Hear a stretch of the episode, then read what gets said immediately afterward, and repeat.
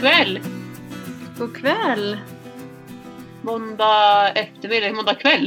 är Ja, det det, är faktiskt till och med inte jättetidig kväll, det är lite senare ikväll. Det är en kväll. Det är snart åtta på kvällen. Ja. Jag eh, sitter här i soffan. Jag har mina katter runt omkring mig som eh, håller på och leker just nu. Ja. Kanske kommer höra lite mjauandes och sånt i bakgrunden. Min ena katt här, han älskar hårsnoddar så han har kommit till mig här med sin hårsnodd och vill att jag ska kasta den. Han leker Mm. roligt, vad kul. Ja, det är jätteroligt. Han, han eh, kommer eh, med hårsnodden och så lägger han den bredvid den. Och så väntar han på att man ska kasta den och så springer han iväg och hämtar den. Och så kommer han med den i munnen och lägger tillbaka den. Så, Är det någon speciell ras i honom? Jag vet att det, det finns någon ras jag, som, är, som gillar att. Jag inte Ja. Ras nu, men är det någonting sånt som han har i sig? Eller? Jag vet faktiskt inte. Han är ju en, en blandras. Eh, så. Men han, han ser ut lite som att han skulle kunna ha någon raskatt i sig. För han har ganska fina drag. Sådär, lite smäcker i ansiktet och så. Mm. Eh, Han ser... Han är ju svart och vit men dragen ser lite ut typ som siames eller sådär. Så jag vet inte. Det kanske är någon, någon korsning. Ja. Ja, Jaha. Eller har fått en, tagit hand om en ny katt också va? ja precis. Ehm, Tempest heter han.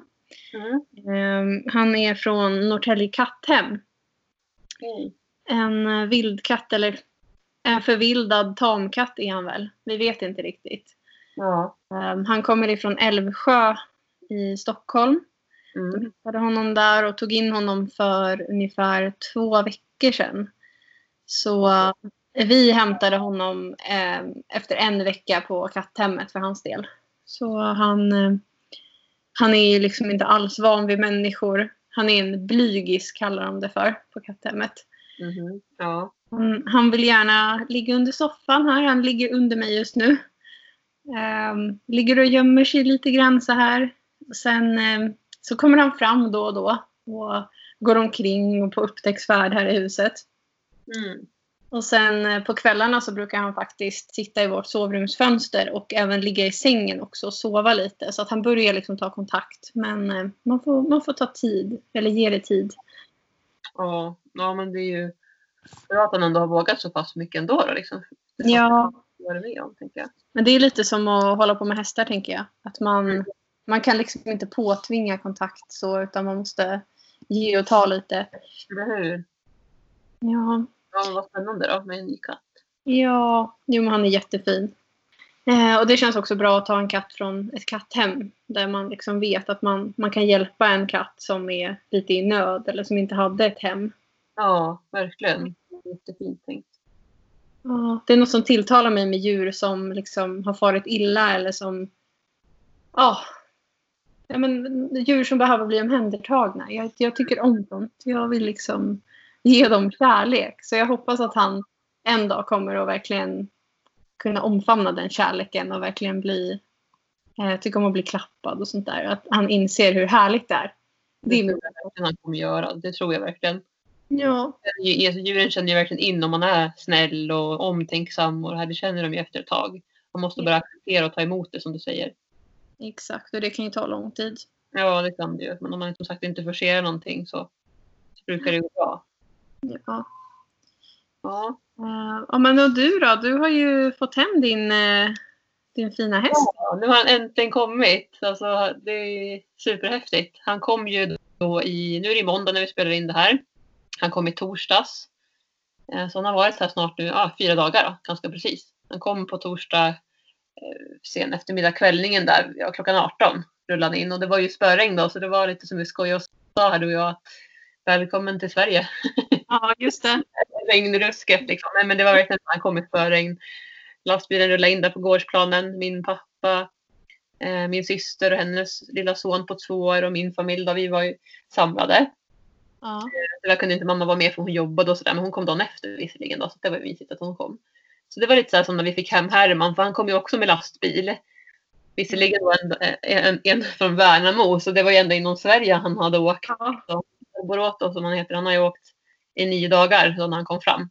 Mm. och har han varit på resande fot. Så, men han var faktiskt alltså väldigt eh, fräsch tyckte jag ändå för liksom, den långa resan han har gjort. Så han klev ur transporten så lugnt och fint och så in i stallet och då var han förstås lite tittig och så där. Det regnade ju och när han kom ut.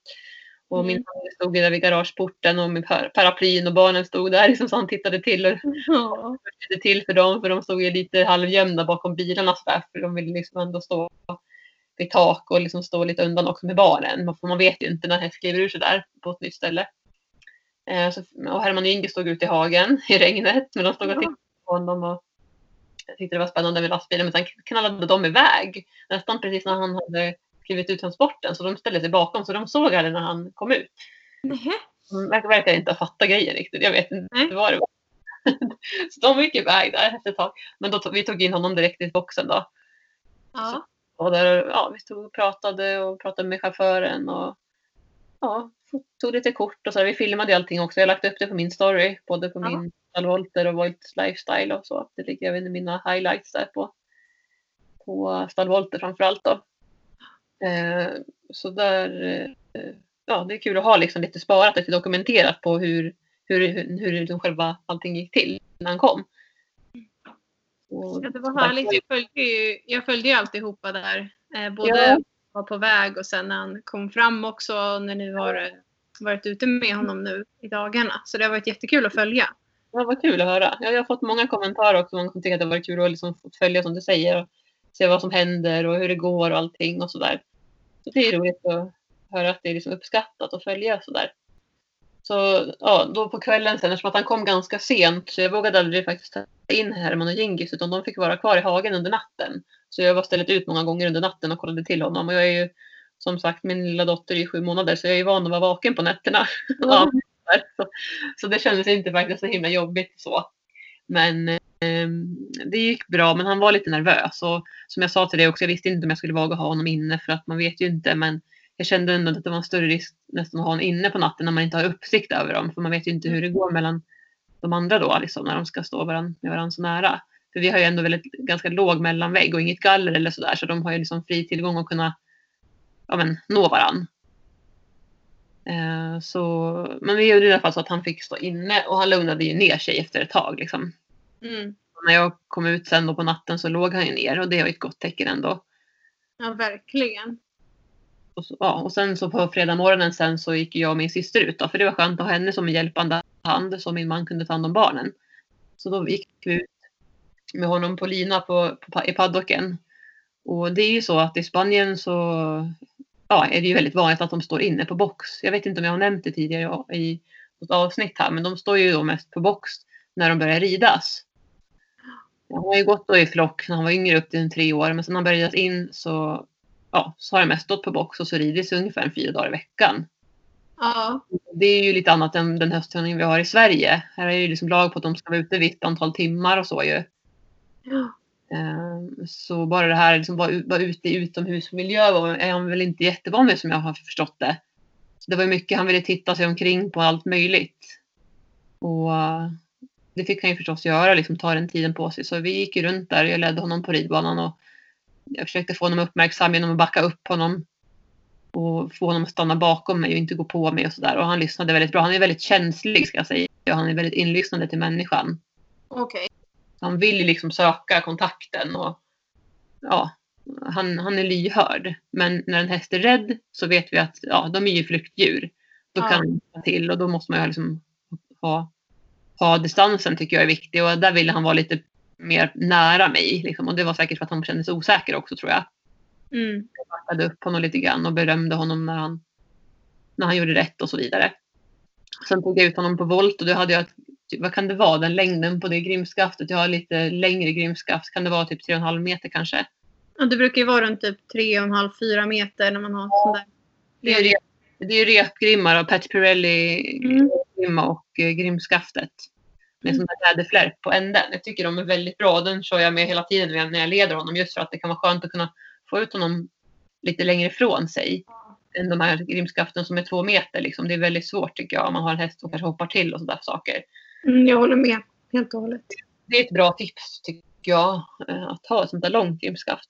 Ja. Och, um, eh, jo, men vad skulle jag säga med det? Jo, men så i Spanien så är de sagt var de står inne mest och även då som jag fick veta lite senare som jag inte hade koll på det är det här att i Spanien oftast när de får longeras Då brukar det vara ett sätt för dem att få springa av sig all energi som de kan ha samlat på sig.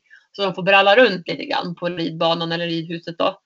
Och det Mm. visste inte jag. Utan jag liksom tog ut honom och tänkte att ja, men nu ska vi se liksom att han får springa lite och liksom sådär. Men det visade sig att han blev ganska galen och hoppade och studsade hit och dit och sparkade bakut. Och så kom det en stor hästbroms också så att han Ja. blev tokig av, den då och hoppade till. Och, och det är ändå fullt förståeligt för står man inne i box i stort sett dygnet runt så är man ju inte så van med insekter heller som bits. Nej. Så ja, det var också en utmaning. Men han lyssnade väldigt snabbt ändå. När han fick springa av sig lite grann så började han ju lyssna mer och mer på mig och saktade ner och sådär. Så nu kan jag säga att nu har vi kommit så långt så att nu, nu lyssnar han verkligen alla gångarter och saktar av och, och kan verkligen skritta runt i volt först och värma upp och sådär. Och han stannar bakom mig och han lyssnar på mina hjälper från marken. Mm. Vad skönt att det har gått, det har gått väldigt snabbt då i alla fall för honom att landa lite. Precis, han känns lättlärd. Och jag fick också veta att han är tydligen inte van att hantera så mycket repgrim och sådär. Nej. Och den har jag kört med nästan hela tiden. Eller i alla fall när jag haft honom på ridbanan. För jag tycker ändå som vi har sagt- tidigare avsnitt att en repgrimma är lite mer skarpare, lite mer tydligare till hästen Ja. än en vanlig grimma. Men återigen så måste man vara väldigt försiktig så att man inte tar i för mycket eller för hårt och så. Nej, precis. Om man har känsliga hästar och så. Ja, det är viktigt att man har koll på hur man ska använda redskapet. Att man liksom knyter den rätt och så vidare. Och det finns ju, det finns ju ganska mycket på Youtube ehm, just när det gäller att lära sig att knyta repgrimmor och så. Mm. Men även en del lite horsemanship-filmer och sånt som man kan titta på.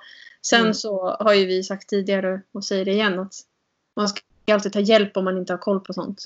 Mm. Men, Verkligen. Bra. men både du och jag har ju jobbat en hel del med hästar på det sättet. Och Ja. då är ju en tillgång verkligen att kunna använda det vid ett tillfälle då man har en ny häst till exempel. Jo, precis. Och det jag känner är att man har en annan kontroll på hästen om de till exempel skulle få för sig och nästan vilja dra iväg eller vad som helst. Så har du liksom lite skarpare. Sen är det klart att man, kan, att man skulle kunna longera i träns och sådär. Men i och med nu att jag inte fått med någon utrustning och så så har jag inte riktigt hunnit passat in det tränset jag har köpt och bett och sådär. Så jag behöver ju kolla av det lite noggrannare. Jag kan faktiskt tycka att det nästan är lite obehagligt att longera med träns. För eh, om hästen kommer lös eller att den liksom är riktigt så här tokig, tokpigg och bränner iväg och så tappar man kontrollen och så liksom trasslar den in sig i linan eller någonting. Det, det känns lite läskigt om bett, tycker Jag helt och hållet. Det tycker jag. Och det är det jag också tycker är bra med det här grimskaftet, vad det nu kan vara. Kan det vara 3,5 meter säger vi då? Ja. Grimskaftet. Att den är så pass lagom lång så du kan ändå ha hästen på en volt. Visserligen inte jättestor men du kan ändå vara på en volt så den kommer ifrån dig. Så Mm. jag har longerat i den en hel del. Sen vill jag inte ha hela tiden på för liten volt men då har jag tagit vanliga longerlinan. Men det jag skulle säga med det är att jag tycker att en longerlina kan ju, be- alltså den är så lätt att själv trassla in sig i den Ja. inklusive också. Och han, han travar ju på, sen kör han helt plötsligt huvudet i backen liksom och ska nosa på underlaget. Ja. Då är det också lätt att han trampar i linan. Och har man en lång lina så, ja ni förstår vad jag menar. Så är det Ja. så att det trasslar in sig och fastnar liksom. Jag tycker att det, det är inte så ofta som man ändå använder eh, fulla längden på longerlinan när man longerar. Ja. Eller hur? Jag håller med. skulle ha något litet mellanting där mellan eh, eh, ledrep och eh, longerlina. Det hade varit perfekt. Ja, verkligen.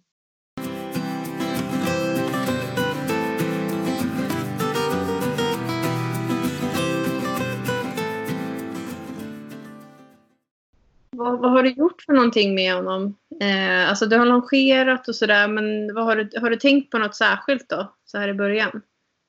Som vi har gjort. Ja. Alltså i början då när han kom, då var det mer lära känna varandra och se hur han var i boxen, klappa honom, borsta honom. Liksom sköta om honom, ge mat och vatten och det här med att ge mat. Han ger väldigt respekt. Han visar väldigt respekt och han vill ju inte gå fram och äta innan man har liksom själv backat undan och gjort klart det man ska. Mm. Eh, så det känns väldigt skönt för jag har ju två hästar som är väldigt matglada och väldigt på. Ja. Eller maten, där kan de bli väldigt mycket duktigare på att visa respekt. Ja. Eh, så det känns ju väldigt skönt. Men samtidigt också så vill ju att han ska våga. Han ska inte känna att han ska liksom nästan vara rädd när han ska äta. Förstår du vad jag menar?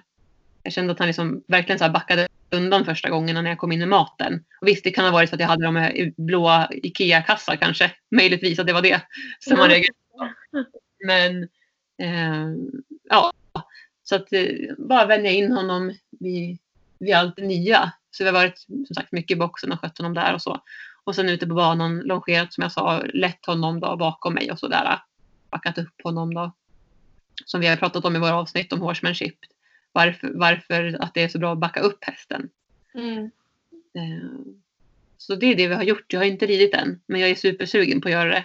Men eftersom att han gjorde riktiga boxsessioner där och lite, någon, även någon stegring och sådär och visade väldigt obehag till insekterna, alla bromsar, så kände jag att nej, jag vill vänta lite och jag vill se att han alltså utvecklas, att han liksom lugnar ner sig lite och verkligen utvecklar sig och lyssnar ännu mer på mig innan jag sätter. Men så sa också Sofie som hjälpt mig att förmedla, som hittat honom åt mig, att eh, i och med att de i Spanien får springa av sig sådär så är det, blir de ju, är det inte konstigt att de blir lite halvgalna då när de får springa av sig och stått och laddat energi. Så Nej. när du skadar honom sen kommer han troligtvis förstå allvaret och skärpa till sig rejält. Liksom. Då kommer han nog inte hålla på sådär. Eh, Det kan det ju vara. tror jag också att det, det stämmer säkert. Det är bara att jag är lite försiktig och jag ska inte skaffa en säkerhetsväst till mig själv. För det har jag inte använt sedan jag var i tonåren. Nej. Eh, Men jag känner nu i och med att jag har nu en ung häst och vi ska ut på mycket äventyr så det kan nog vara bra att ha en sån. Det är ändå en bra försäkring. Även om, även om inte en väst och hjälm heller för den delen är en liksom, garanti mot att, att man inte skadar sig. Men det är ändå bättre Ja, man kan ju alltid ge sig själv bra förutsättningar för att inte skada sig. Eller hur? Apropå det, har du en säkerhetsväst när du rider? Ja, i stort sett alltid. Alltid när jag tävlar, alltid när jag hoppar. Eh, alltid när jag rider yngre hästar och eh, i stort sett alltid hemma. Det är mest eh, Alltså om jag rider dressyr eller så kanske jag inte har det på mig när jag är hemma. Men eh, rider jag ut och så har jag i stort sett alltid det. Jag har en sån här airbag-väst, en uppblåsbar. Okej. Så att den ser ju ut som en- softshell-väst, ett vanligt klädesplagg som jag bara hakar fast i sadeln. Mhm. Så att om jag ramlar av så blåser den upp sig och eh, skyddar även upp över nacken och runt om mot så rotationsfall och så. Det låter ju jättesmidigt. Ja, det är superbra. Eh, Jag har ramlat av med den en gång och då åkte jag av rejält och landade liksom på rygg. Jag flög baklänges och alltså tack vare västen så kände jag ingenting. Det var som att landa på en madrass typ. Men gud vad bra. Ja, det var verkligen fantastiskt. Ehm, så att de, de är ju dyrare i inköp, men jag tycker absolut att det är värt det liksom. Om man, om man ser till hur bra skydd man får. Ja. Kommer du ihåg vad, vad den kostar? Ehm, ja, men det brukar ligga på mellan 5 och 7 tusen tror jag faktiskt. Ja. Men det är ju en engångskostnad och sen så är det ju en gaspatron i västen. Som man sen kan... Den byts ju ut då om du blåser upp västen en gång så behöver du byta gaspatron. Och det kostar runt kanske 180-200 kronor. Mm. Så att eh, det är ju inga stora pengar egentligen. Alltså om man Nej. tänker till eh, jämför med om man skulle bli skadad och behöva vara sjukskriven eller någonting. Det är också mycket kostnader. Eller hur? Ja. Ja, men det låter ju som en jättebra grej. Jag ska, jag ska se här efter. Jag har dagläge imorgon. Efter det tänkte jag kolla upp lite bättre. Mm. jag inte är hög så prova lite västar där och se vad de har inne. Så får vi se om det blir något sånt till att börja med. Kanske vi får se lite. Ja, men gör det. Men har du nå, eh, alltså, vad, har du någon plan med honom då, om vi säger så? Typ det här, om eh, så här många veckor skulle jag vilja kunna rida på honom eller har du tänkt någonting kring målsättningar? Jag har kontaktat sadelutprovare här idag och de, nu har jag visserligen bara kontaktat en men de hade tid först 31 augusti och det är ju vad är det, fyra veckor. Okej. Lite länge att vänta. Eh, Ja. Jag skulle ju gärna vilja hitta någon sadel ganska snart då. Men, eh, eh, ja, men planen är väl att jag ska kunna hoppa upp så snart. Jag skulle vilja hoppa upp den här veckan egentligen. Jag hade en kompis som jag, som, eh, eh, som jag känt ett tag nu och hon jobbar som hästmassör och hon är även sadelutprovare. Hon Ja. tog med sig sina sadlar igår för hon har liksom inga sadlar till försäljning. Hon tog med sig sina sadlar Jag provade ut några stycken som skulle kunna funka. Sen hade hon en hoppsadel visserligen. Jag är mer ute efter dressyr. Men hon hade en hoppsadel som jag faktiskt fick av henne igår. Så det var Ja. väldigt som hon själv inte använde. Och det är visserligen en gammal sadel och ganska sliten. Men den passade ändå bra på honom. Ja. Jag har ju en sadel som jag skulle kunna börja använda om jag bara skaffar en sadeljord till den då. Mm.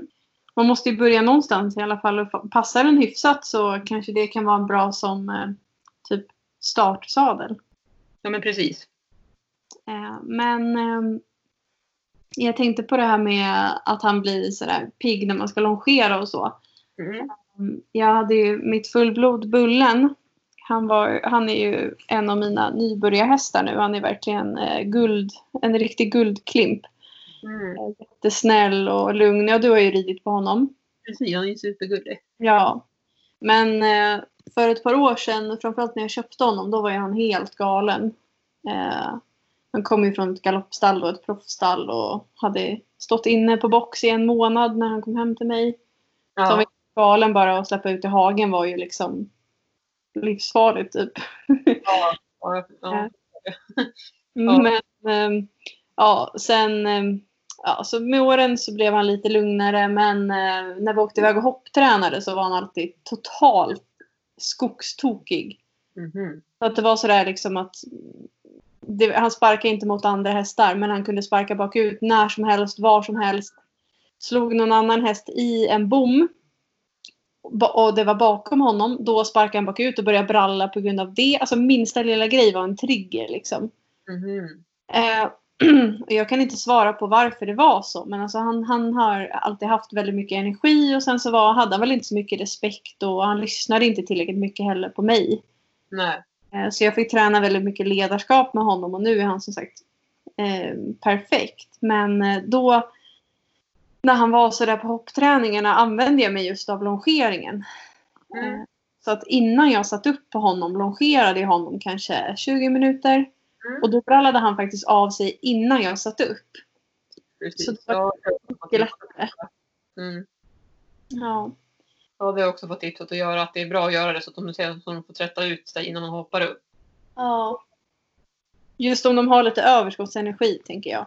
Mm, precis. Sen kan man ju så småningom fasa ur det liksom. Men eh, jag har ju även använt mig på unghästar. Eh, ja, då har jag använt mig av att markarbeta dem. Alltså med horsemanship, olika övningar och så. Att de börjar tänka innan jag sitter upp på dem. Mm. För det har gjort att de har blivit mer avslappnade och kan vara mer koncentrerade direkt när jag sitter upp sen. Mm. Så att man inte behöver alltså, använda eller hantera all deras energi uppifrån. Utan det är skönare att liksom hantera en del av energin nerifrån marken. Mm. Det kan vara lättare än att sitta uppe på och få något bocksprång eller något annat. Verkligen. Så för mig var det länge sedan jag hade en häst som gjorde det. jag Säger så. Ja. så jag är så ovan vid det. Men jag skulle säkert sitta kvar. Men det beror på hur kraftigt. Hur kraftigt boxsprång.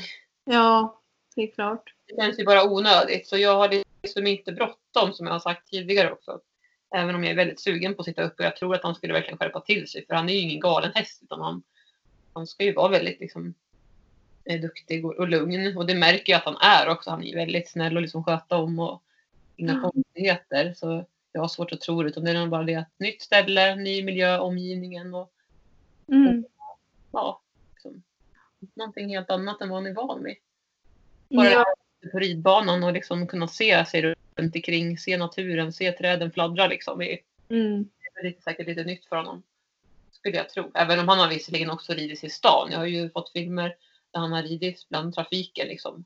Han har ju bott i stort sett lite stadsligt så att tror att han ändå är van. Men som vi har sagt också, hästar kan ju förändras när de flyttar. Ja. Men apropå av med mål så är ju målet att så snart som möjligt, kanske till och med till nästa avsnitt, så kanske jag har suttit på honom. Ja. Men jag känner fortfarande att säkerheten är viktigast. Det går före. Ja. Det är klart. Rätt när jag väl sätter mig. Och då får ju en man då, troligtvis om jag inte har någon annan medhjälpare, så får han hålla i longerlinan. Eller Mm. skatta leda runt mig. Alltså hålla i mig när jag rider. Mm. Och de så longerar jag honom innan. Innan jag sätter upp. Så jag Ja. tror att det kommer vara några problem. Men det kan ju gå bra en gång, så nästa gång kan det gå dåligt. Ja. så är det ju liksom hästar. Men brukar du, nu var det ju länge sedan du hade någon ny häst och så, men, men eh, brukar du liksom sitta upp och typ att någon leder dig då med den hästen? Du Eh, eller till exempel en ung häst och så? ja, som du säger så, har så har jag ju inte haft någon, någon ny häst så eh, på länge. Liksom. Nej. Ja, Alltså Gingis har jag ju, han har ju inte kunnat rida för han är ju shetlandsponny då. Men eh, ja, alltså om vi säger så här, jag brukar ju alltid leda alla elever till exempel. Även om jag vet att Hermione och är supertrygga och jag aldrig skulle göra någonting dumt så vet man ändå aldrig. Så jag brukar alltid leda eleverna Mm. eh, när de hoppar upp för första gången. Och ja, jag, jag tycker det är bra att någon leder. Framförallt om man känner att man vill det. Alltså, jag tänker alltid så här, säkerheten före och jag har blivit mer harig sedan jag fick barn. Mycket mer Ja. försiktig och tänksam än när jag var yngre. Då var det väl inte nå då var man inte lika försiktig. Nej. Eh, men eh, idag så tänker jag till lite extra. Hur gör du då när du har nya hästar? Mm, ja men eh, alltså jag rider ju alltid in dem eh, om vi ser till då unghästar eller sådana som problemhästar och så som kommer till mig. Då, då rider jag ju in dem enligt lite västernfilosofi sådär att man gör eh, one rain stop. Alltså man böjer in deras huvud in mot skänken kan man sä- säga då. Ja. Så att jag lär dem att böja sig helt i sidled åt både vänster och höger och sen använder jag det som en broms. Mm, det är ju ett bra tips. Ja, så, och då går det inte så bra när någon leder mig. För det kan bli så att man ber hästen böja på huvudet och innan den har gjort det och stannat så kanske den snurrar ett par varv för att den förstår inte vad man vill. Nej, precis. Om det då är någon som håller i hästen så blir den jätteförvirrad liksom, för att då drar den åt ett håll och så hamnar den människan i vägen ibland och så. så att, eh, jag brukar nästan alltid rida själv utan ledare. Mm. Eh, men jag använder då de här one ring stoppen istället då. Mm. Sen eh, med nybörjare eller eh, små barn som rider så gör jag också som du. Att jag, jag börjar alltid med att leda dem. Och sen så successivt så brukar jag faktiskt släppa. När vi är i en rund korall. Den är ju lite mer avskärmad också än vad en ridbana är till exempel. Ja, eller hur? Eh, så jag försöker att, att låta dem rida så mycket som möjligt själva. Men eh, jag vill att de ska ha koll på start och stopp först. Mm. Det är ju jätteviktigt. Det är som du säger, det är säkerhet. Mm. Och det, ja, det är säkert bra med en häst. Eh, om den litar på människor så kanske den känner sig trygg med att det är någon som går bredvid och leder den eller så. Mm. Också, tänker Det tror jag också är jättebra. ja. Och det ska man ju utnyttja om man har en sån häst som verkligen tyr sig till människor. Mm. Jo, jag känner att det gör han. Så. så det kan nog vara bra. Och även till exempel när vi ska rida ut första gången Mm. på ridbanan så kommer jag nog också vilja att någon leder mig. Mm. Alltså det beror ju helt och hållet på hur han är när jag hoppar upp. Men om jag utgår från hur han har varit nu i longeringen och med mig på ridbanan på marken så ja, då vill jag ha någon som håller i mig. Ja. Lite Ja. fel som jag är. Nej, Nej, men det är alla olika förstås liksom. Det är säkert de som är mycket tuffare med mig. Du är säkert mycket tuffare än vad jag är. Men Ja, men lite mer van vid sånt. Alltså jag, jag har ju nio hästar själv nu och jag har liksom sålt ett par hästar de senaste åren som har mm. kommit till mig och inte varit hanterade. Och alltså det är ju mycket, man lär sig mycket på det. Det är ju Ja. inte lätt. Nej. Eh, Men sen kan jag säga också ehm, att de hästarna jag har haft senaste tiden som jag har ridit in, där har jag ju på något sätt ändå typ lyckats med markarbetet så pass bra att det inte har kommit någon direkt bockning eller så när jag har ridit. Mm. Utan jag har verkligen, alltså jag fokuserar alltid på att försöka att så här, väcka den björn som sover, brukar jag säga, Mm. från marken. Mm. Så att jag liksom försöker att trigga hästarna till att reagera om det nu finns någonting i dem. Eh, till exempel om de tycker det är obehagligt att eh, stigbyglarna slår mot magen eller så. Då vill jag att de ska reagera på det när jag står på marken. Ja, eller hur? Liksom avreagera sig, inse att okej, det var inte så farligt. Eh, för då blir det tryggare för mig när jag rider sen. Mm. Men sen så finns det ju hästar som till exempel mitt fullblod som jag nämnde. Och Mm. Alboroto då som kanske har mycket energi. Och där tror jag många gånger att det är ju inte för att de är dumma eller liksom blir rädda eller så som de gör någonting. Utan det är kanske mest det att det är den här överskottsenergin som de bara inte, de kan inte hantera det. Så då, då får man kanske, det kanske inte ledarskapet kan ta bort helt. Liksom. Man kan ju få dem att koncentrera sig och bli bättre. Mm. Men sen kanske man får använda sig av till exempel longeringen eller nå- något annat för att få bort den här energitoppen. Mm. Och den tror jag också kommer försvinna mer och mer om man börjar rida regelbundet. Ja, och sen tror jag också i Alborotos fall så är det så mycket nytt. När han känner sig mer hemma här, då kommer han bli lugn. Det är i alla fall vad jag tror och hoppas. Ja, Att han kommer liksom lugna ner sig ännu mer och kunna gå med sänkt huvud och inte liksom vilja ha koll, full koll på läget. Alltså han har ju, fort, han har ju redan börjat liksom lugna ner sig och gå lite mer med sänkt huvud men det är ändå liksom fortfarande att han vill ha koll och tittar och sådär. ja, Och där får man ju också tänka att som du sa, han är en helt annan ras än vad Herman och Djingis är. Så han är liksom ja, lite annorlunda ras än vad de är. ja. Ja, Det är Och- yngre. och yngre, precis. Ja. Att man inte kräver för mycket av dem på en gång. Man, som du säger, man får tänka på deras ålder, på hästens ålder. Ja. Det är ju bara fem. ja. Jag har ju en sexåring, det är min yngsta häst just nu. Mm. Han är ju liksom mera barnslig än vad de andra är. Även om han är supertrevlig och fin att rida och sådär. Men, men det är mycket barn i honom. Han är jättenyfiken och ska alltid hålla koll på eh, hålla koll på vad som händer när han står i stallet och så. Inte att han är stressad eller spänd eller så, utan han är nyfiken. Mm. Verkligen som ett barn, ska undersöka allting liksom. Ja. så känns det Alborota också hittills. Ja, Ja. Fast jag tycker det är så bra. Det är lite så här friskhetstecken också känner jag. Ja. När de är unga liksom. De är nyfikna och framåt och liksom försigkomna.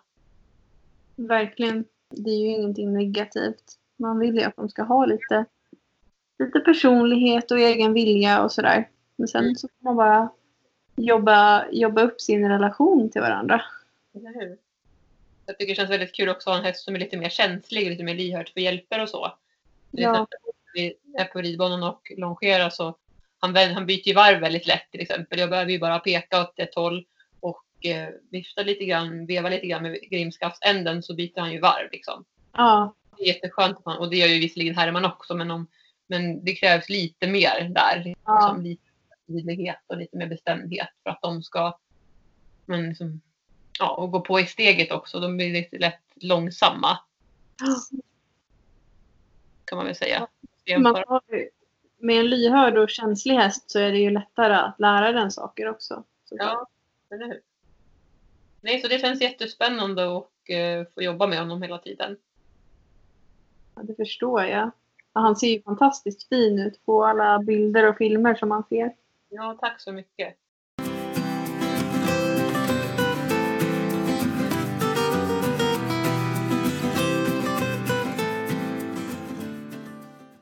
Jag var ju tvungen att... Han hade ju, han hade ju jättefina flätor när han kom. Ja. Jag ta ur dem för att jag ville se hur lång han hade. Ja. när jag kom ut sen där på morgonen så hade han ju då förstås rullat eller lagt sig ner så det var ju väldigt mycket spån då i den där fina månen. Ja. Alltså när han kom ut i hagen så rullade han ju sig också då. Ja, klart. Det var grenar och allt möjligt. Ja, ja det är ju en rejäl man han har. Ja, Men är det, den var flätad, eh, är det för att hålla, att den ska hålla bättre eller? Du varför den var flätad? lite både och. Att man flätar. Dels är det säkert för att, som du säger, att, eh, att det ska hålla månen lite bättre, att det inte slits lika mycket. Säkert också att det ska vara mer lättskött, tänker jag. Ja. Eh, Och eh, även säkert för värmen, tror jag. Att Ja, just det. Ja, det gör ju vi i distansritt såklart. Vi flätar ju manarna om vi har långman på hästen för att det värmer ju upp under annars. Ja, Eh, nej. Ehm, ja, det är klart. Det är samma för, för andra hästar också. Jag har bara inte tänkt på det för när jag tränar hemma brukar jag inte, då flätar jag bara om jag har tid eller om jag liksom ja, vill eh, göra dem fina eller att det är mer praktiskt. Mm, Eh, men när jag tävlar så har jag alltid flätor på dem som har långman. mm. Ja, för det blir varmt. Jag kände på honom till exempel igår och han var väldigt varm under magen så att jag ska fläta. Vi flätar nog imorgon för jag har dagläger imorgon igen. Mm. Tjejerna fläta sa de. Mm. Då gör vi nog det imorgon. Ja, vad härligt. Var han med på lägret idag? Eh, då, i, I morse när de kom så började vi med att ta ut honom. Så jag hade honom på banan och så visade jag lite grann där med ledarskapsbiten och hur jag jobbar med honom som ung häst och, och så. longerade lite grann så de fick se det. Så fick de titta. För jag, vågar inte släppa in några liksom med honom så på banan. Utefter hur han har varit förstås då. Nej, det De borstade honom lite grann in i boxen tillsammans med mig och höll i honom och så fick de borsta tillsammans på, på, bar, på samma sida då. Ja. Så det fick de göra i morse. Mm. Han är jättesnäll i boxen, liksom, och står jättestilla och fint och sådär och tycker att det är jätteskönt att bli borstad. Men sen så hade vi Herman och Gengis då efter, ja, efter, efteråt sen. Och det gick ju jättebra. Det är så skönt att se att de två, Herman och Gengis, är som vanligt. Så länge de är tillsammans så, liksom, så är de ju väldigt nöjda och som vanligt då. Inte Ja. oroade över någonting. Och Arboroto stod inne i boxen och tittade ut genom fönstret på oss när vi red på ridbanan Ja. Ner till, till Sommarhagen och red med Herman och Gingis och då fick min man hålla lite koll hur, hur han betedde sig inne i boxen. Och det, han var lite orolig och vankade lite fram och tillbaka precis när vi gick iväg men sen så hade han ställt sig och stod stilla. Tag. Så det är ju skönt att veta att han ändå kan bli lämnad och sådär. Ja, verkligen. Det är jättebra. Det är såna här grejer också som, som, ja, som är också viktigt att det funkar. För det blir så mycket jobbigare annars om det inte funkar att lämna en häst i stallet och sådär själv. Tycker jag. Herman har ju alltid haft problem med det men han har ju även fått lära sig eftersom att jag har haft två hästar. Ibland går man iväg med Gingis och kör med honom och sådär. Men han har ju fått lära sig. Ja, Så det har gått bra allting.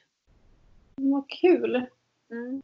Vad spännande att följa hur det fortsätter för er och, och se när du eh, sätter dig upp på honom också. Precis. Och nu har jag inte berättat någonting om liksom Herman och Gingis och honom tillsammans. De har ju stått bredvid varandra i stallet då. Sen, från dag två sen så, så fick ju Herman och Gingis gå in. För då hade vi lite mer tid. Så då släppte vi honom redan första gången på förmiddagen. Och det gick bra. Han, Alboroto han både slickade på Herman och han skulle klia honom. Och de var väldigt så här kompisar. Jag såg det på din eh, story. Det var jättegulligt. Ja, visst var det gulligt. Och det var bara något skrik. Sen så liksom var de väldigt nöjda med varandra. Ja. Sen visserligen idag har de varit lite mer griniga, men jag tror att Herman ledsnar väl lite också för han är ändå 23 bast och tycker väl att han är ganska jobbig som kommer där fem år gammal och liksom håller på och ska men liksom kela hela tiden. För lite så verkar det som att han vill. Han vill söka kontakt med Herman hela tiden. ja. Och det, då säger ju Herman ifrån. Så det är inte konstigt. Nej.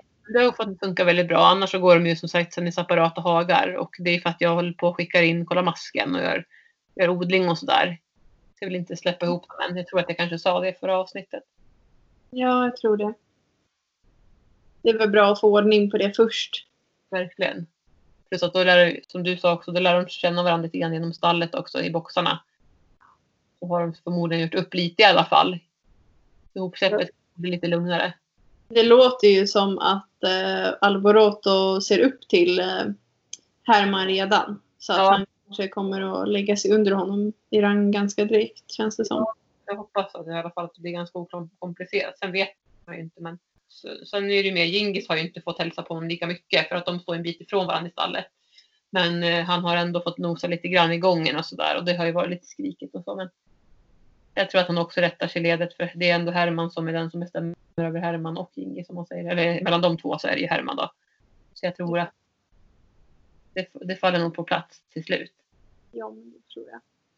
Det brukar ju vara lite, lite så här att de ska ranga sig i början och sen så släpper det och då är det färdigt sen.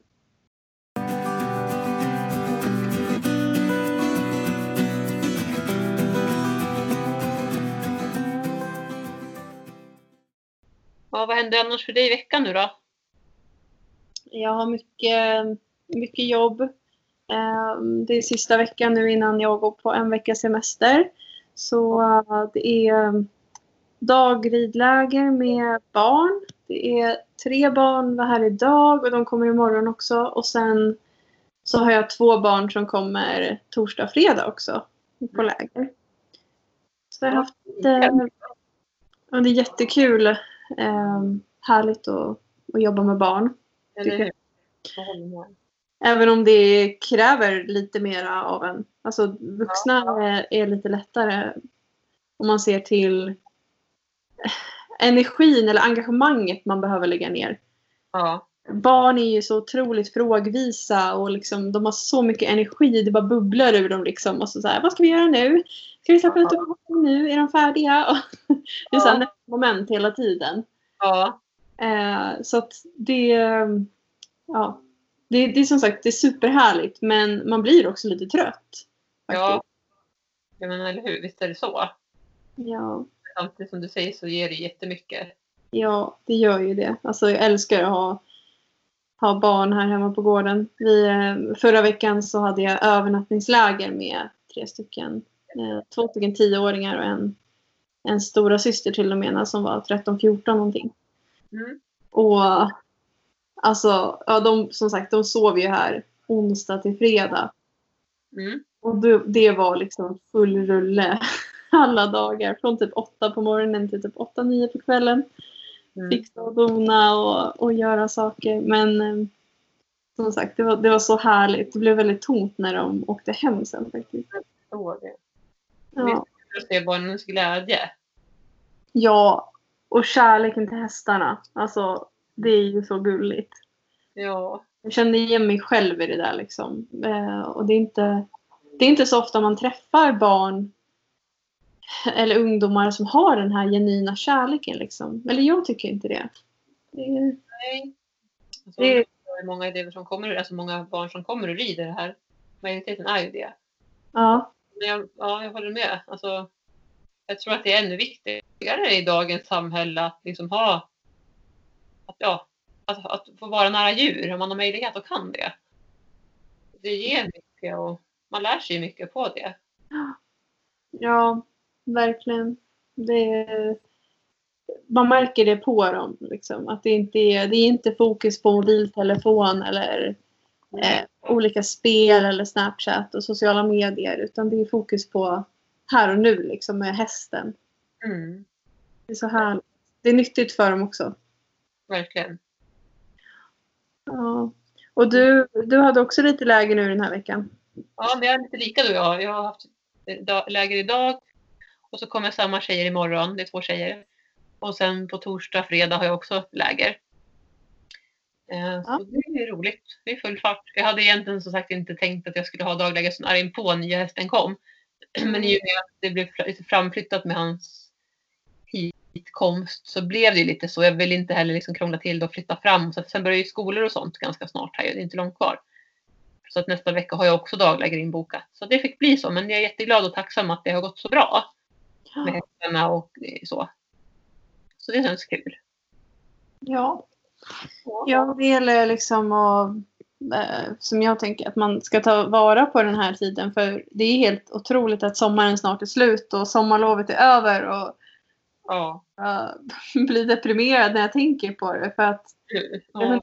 man har hunnit med så mycket. Men samtidigt känns det som det är så många barn som kommer hit och, och liksom vill så mycket mer. Men man kommer inte hinna så mycket mer den här sommaren. Nej. Nej, jag håller med dig. Ja. Det, tiden går väldigt snabbt. Så det gäller verkligen att ta vara på den tiden som, som man har att vara här och nu. Ja. Och det har jag lite svårt för när jag jobbar så mycket. För man Ja. går från ett arbetspass till nästa. Ja, dagarna går ju i ett, det gör de. Men ändå uppskatta och jag får verkligen nypa med armen. Jag tror att du också säkert gör det här med att Ja. jobba med det som man brinner för. Jo, det är så härligt. Jag sa det till, eh, jag hade en, en vuxen nybörjare som kom i, eh, ikväll, nu eh, ett par timmar innan vi spelade in podden. Som inte har ridit, ja, han har ridit en gång när han var åtta år liksom. Mm. Då kom han hit och det gick toppenbra på lektionen. Och jag sa till honom det att det, det som är så härligt med hästar, det bästa det är att de tvingar en liksom att vara här och nu. Och jag kan känna ibland att "Åh, jag är så stressad, jag har verkligen ingen lust att gå ut och rida. Jag har ingen lust att hålla en lektion och bara nej det kommer folk, jag orkar inte, jag vill bara vara ledig. Mm. Eh, men eh, sen när man väl gör det, när man är med hästarna och med människorna så, så får man bara massor av energi. Och man glömmer alla de där känslorna av att det var stressigt eller någonting innan. Mm. Allt bara rinner av en. Det är det bästa tycker jag. Ja, jag håller verkligen med dig. Och jag tror Ja. att vi människor är väl lite så att ibland så vill vi bara, nej jag vill bara vara, jag vill, liksom, jag vill inte det här. Nej. Men, men det är ju det som är så härligt om man har någonting som man tycker om, att man har ett jobb man går till som man är glad för. Eller vad det än är, eller studier eller vad det kan vara, så är det ju verkligen ja, så mycket roligare. Än om Ja. man inte gillar lika mycket. Nej, och det är så viktigt. Det har ju både du och jag pratat om tidigare. Att man gör det man håller på med ska vara något som man tycker om. Man ska inte tvinga sig att göra något man inte gillar. Nej. Och sen har ju självklart inte alla möjlighet att jobba med hästar, men, men att till exempel om man kanske har ridit förr och kanske har, inte har gjort det på ett tag, alltså börja igen, liksom hitta, gör det som man vill, som man brinner för. Mm. Det behöver inte vara hästrelaterat, det kan vara annat också som man har tänkt att men det här skulle jag liksom vilja göra eller det här gjorde jag när jag var liten och jag skulle vilja göra det igen fast jag vet inte om jag kan. Eller, det, vi har ju så lätt att vi kommer med massa ursäkter också. Mm. Eh, men eh, ja, det är häftigt när man följer sitt hjärta. Ja, det är det. Och det är så härligt när man, eh, när man känner att man har vågat också och att det verkligen funkar. Eller hur? Ja. Ja, det sagt, så får jag önska alla en eh, fin helg, så, vilket det blir på fredag när avsnittet släpps. Ja. Och vi hoppas att vi får eh, bra väder. Det verkar ju som att det börjar bli lite mer somrigt igen nu. Verkligen. Det är superhärligt. Att det, ja, det skulle bli en 27 grader tror jag på fredag. Ja, otroligt. Men det är superskönt. Ja. Men vi, eh, vi hörs då nästa vecka. ja. Ha det så bra allihopa. Ha det så bra. Hej då! Hej då. Kram, kram.